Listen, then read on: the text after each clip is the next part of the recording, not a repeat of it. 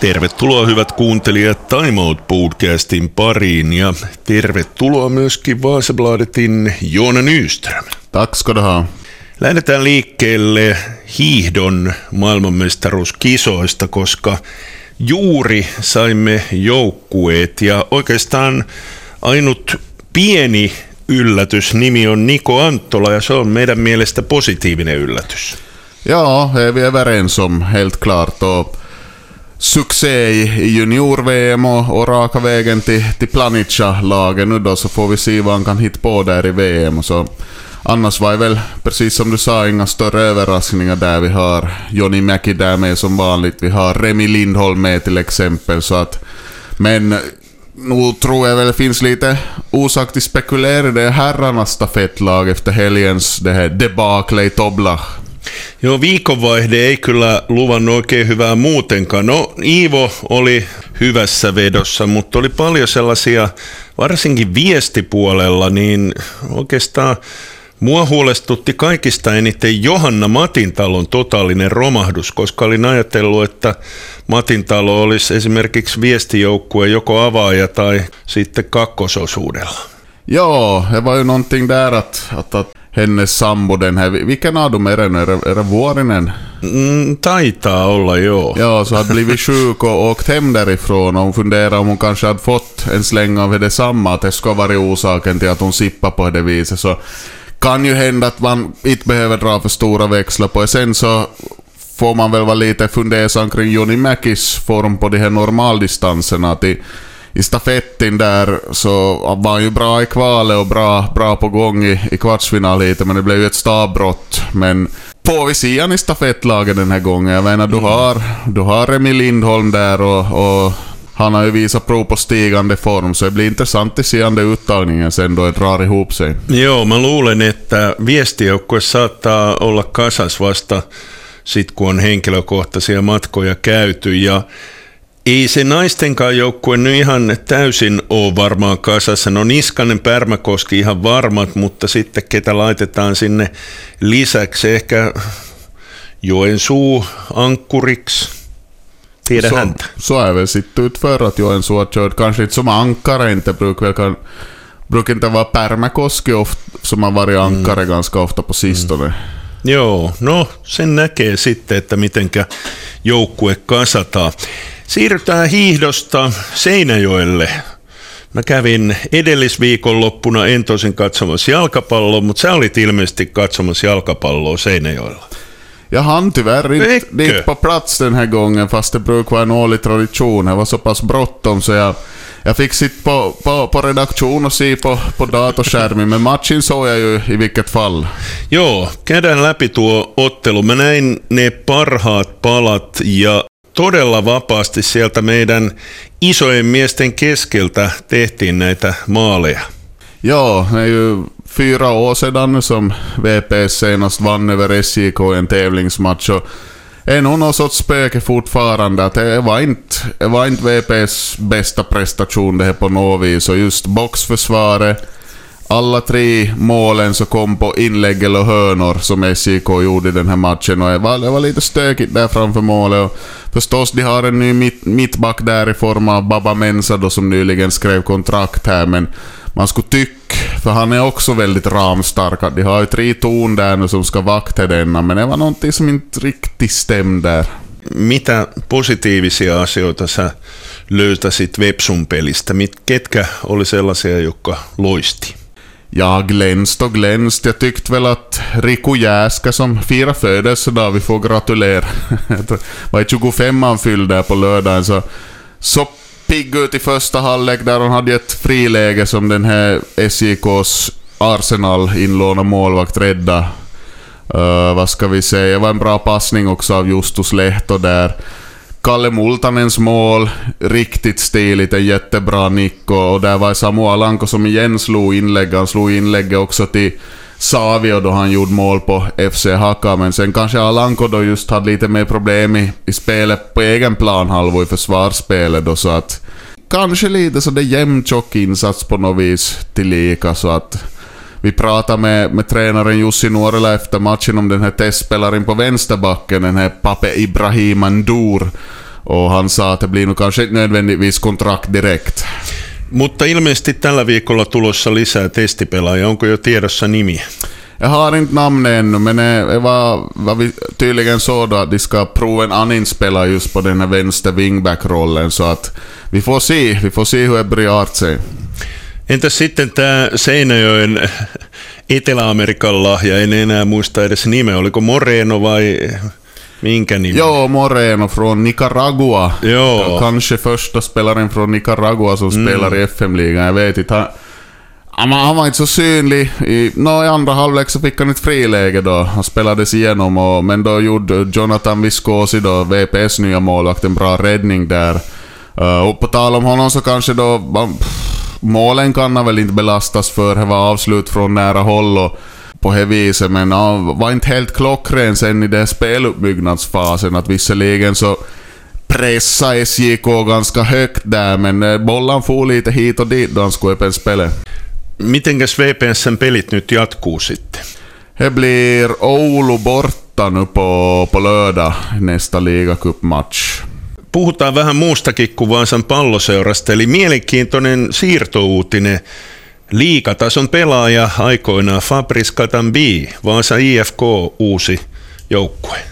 Ja, inte kanske helt oväntat att, att just Fabo hamnar väl kanske lite på bänken där i Gnistan där han spelar försäsongen i division 1 och är förstås en bra värvning till division 2 till Vasa IFK som...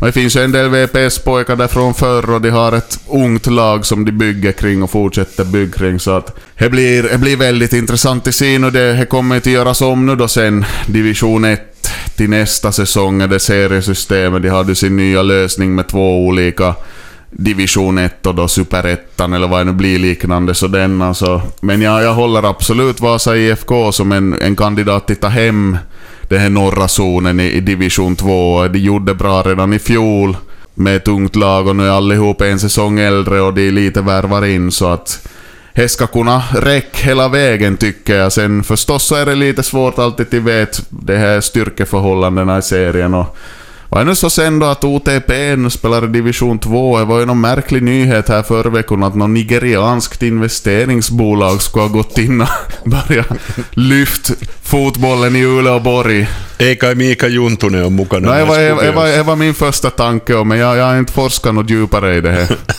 Puhutaan sitten lyhyesti vielä naisten jalkapallosta. Aika pahasti tuli takkiin Vaasa IFKlle. Oliko se liikakappia vai harjoituspeli? Nej, nationella kuppen heter det Ah. ju för, för damerna då. Det, var, det var första tävlingsmatchen då för, för Vasa FK. Men det är väl ungefär som damernas ligacup det här. Att det är främst en träningsmatchturnering så att säga. Uh, IFK hade bort Taldu sin spelare, hade lånat in en målvakt. De hade som utmanande förutsättningar från första början och, och på det viset kanske inte en överraskning att det blev en klar förlust. Nu blev den kanske lite onödigt, onödigt klar. Paljonko muuten peli päättyi? 9-0 förlorade de då. Ja vastustaja oli... Ilves som Ja. ett ligalag då förstås. Att Onko tosiaan liigan ja ykkösero näin valtava? det är nog en ganska stark nivåskillnad skulle jag säga. Och det har kommit att bli så. Och speciellt just att det finns ju de här större föreningarna, större klubbarna som har börjat satsa mer och mer just också på damfotbollen. Så Ilves är väl ett bra exempel att inte var de något topplag i ligan i fjol men de har absolut potential att klättra dit som de har kunnat jobba upp egna förmågor och på det viset stärka sina led. Så för IFK så får, får man väl nog bara dra ett streck över den här matchen och, och jag tycker att man ska ge dem tid. De har ju tagit in mycket nya spelare just från FC Sport och Kär, Tommy Kärkkäinen, Kärda kom in som ny tränare så Andra matchen så, så betyder nog inte så mycket för hur säsongen kommer ut, men å andra sidan så tror jag också att nivån på division 1 lite har stigit på sistone, så att inte det är ju någon promenad i parken här heller.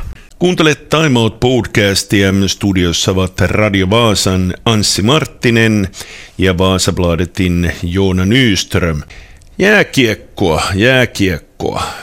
Nyt ei ollut tähdet oikein kohdallaan, ainakin jos mietitään HPKta.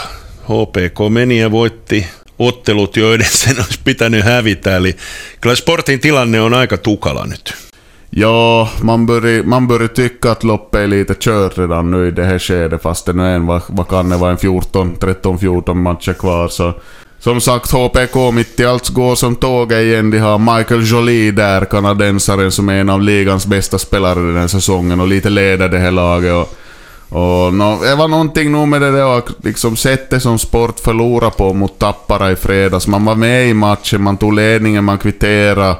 Gav en bra fight, men så faller man på ett mål och sen nästa dag så går HPK och vinner. Så avståndet är väl uppe i nio poäng nu skulle jag säga om inte jag minns helt fel. Och det börjar, det börjar se ganska hopplöst ut för sport faktiskt. Sportin tilanne näyttää siis aika heikolta tällä hetkellä, mutta Vaasabladet on kirjoittanut jo ensi kaudesta, kuinka pitäviä todisteita teillä on uusista pelaajista, kuten Miika Koivisto. No, ska vi nu säga som så här att dit skriver vi ju sådana här juttorna hux flux ur vinden inte. Nu har jag, jag, jag följer med rykteskvarnen året runt och sådär och man får ju göra sina avvägningar om, om vad man skriver och, och inte, inte ofta som, som vi just går ut med sån här att Sen så är det ju just att det handlar ju om att, att hur mycket, vad, vad får man in för uppgifter varifrån och sådär. Och nu tyckte jag att jag hade hört så pass mycket och fått såna uppgifter att det här känns ytterst sannolikt. Just Mika Koivisto då skulle flytta hem och så den här Robin Norell då, en annan SHL-back. Sen så förstås så några dagar senare så såg jag några andra uppgifter på att jo, att Koivisto är nog på väg till fin Finland, men inte nödvändigtvis till sport, men att hyfsat säker var jag nog där jag skrev den här jotton, tillräckligt säker för att skriva, så nu blir det spännande att se. Robin Norell, minkälainen pelaaja hän on? Koivistohan me tunnetaan. Jag har inte desto mer koll på honom mer än vad jag lite har kollat upp statistikmässigt och så, så var han ju med då i Sveriges hemmajunior-VM 2014 och tog stryk mot Finland i finalen. Miten sportilla nyt sitten pelit jatkuu ja mikä on muuten Henrik Erikssonin tilanne? Onko pelit pelattu tältä vuodelta? Ja, hej. Trista nyheter kom igår, eller måndag, på måndag kväll. Henrik Eriksson är skadad och spelar inte med den här säsongen. Att han föll ju bort där. Jag var mot HFK för veckan och var borta en match och försökte han komma tillbaka mot Tappara då ju, så var jag och, och spelade bara fyra minuter och så var jag färdigt på nytt och nu nu kommer inte han till spel något mer och, och det ser ju ut också som så att han, han lär ju dyka upp till nästa säsong heller. Att det ser ut som att det blir en återvändo till, till Sverige för Henrik Eriksson. Ja Olli Vantaja, hän On sportin miehiä, mutta ei pelaa sportissa. Nyt lainasopimukselle tepsi. Ja, man kan ju tycka att det är lite märkligt. Sport har ju snurrat på de samma sex backarna nu ganska länge. Det har ju fått hållas frisk och det är ju förstås positivt. Uh, sen att man har en spelare då som man själv skriver på sin webbplats, men nu är han redo för ligan och så kuskar man iväg till en kon- ligakonkurrent. Alltså, det är en intressant lösning.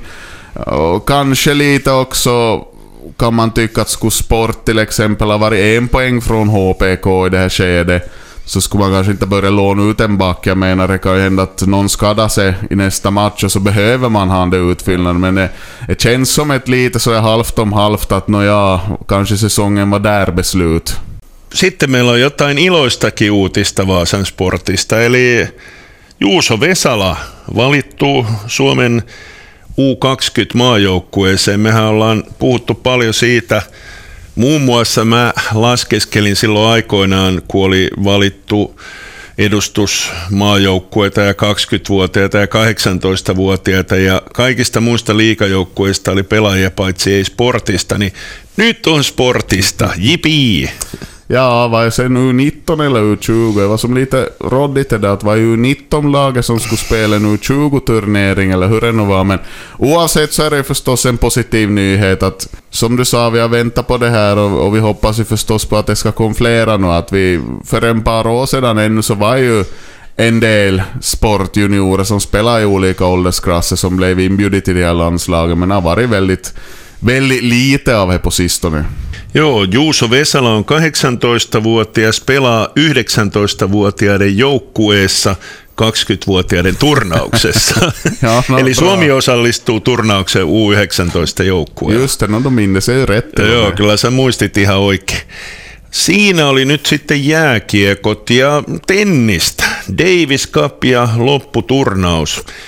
Hieno, hieno saavutus. Aika, aika hyviä tai tasainen joukkue ja onhan meillä niin kuin kansainvälisen tason miehiä Harri Heliövaara ja Emil Ruusuvuori.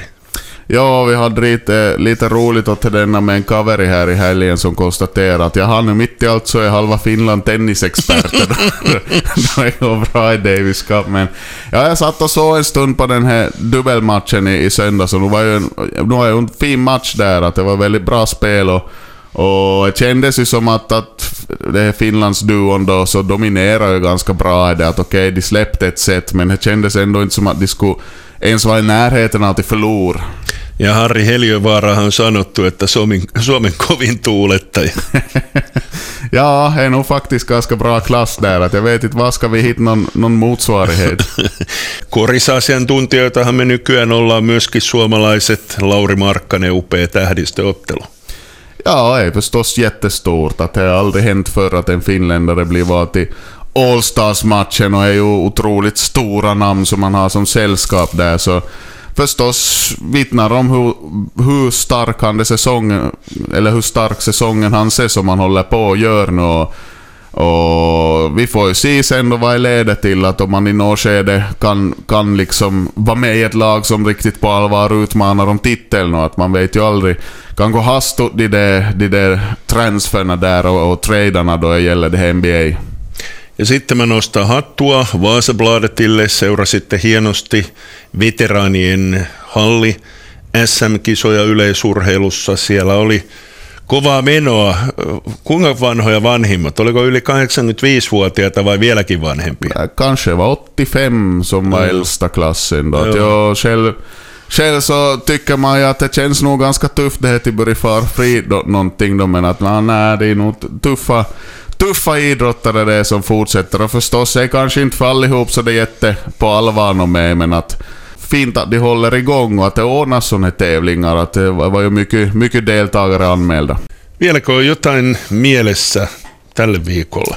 Ja, vad ska vi säga? No, det blir ju en derbydubbel i, i division 2-hockeyn då.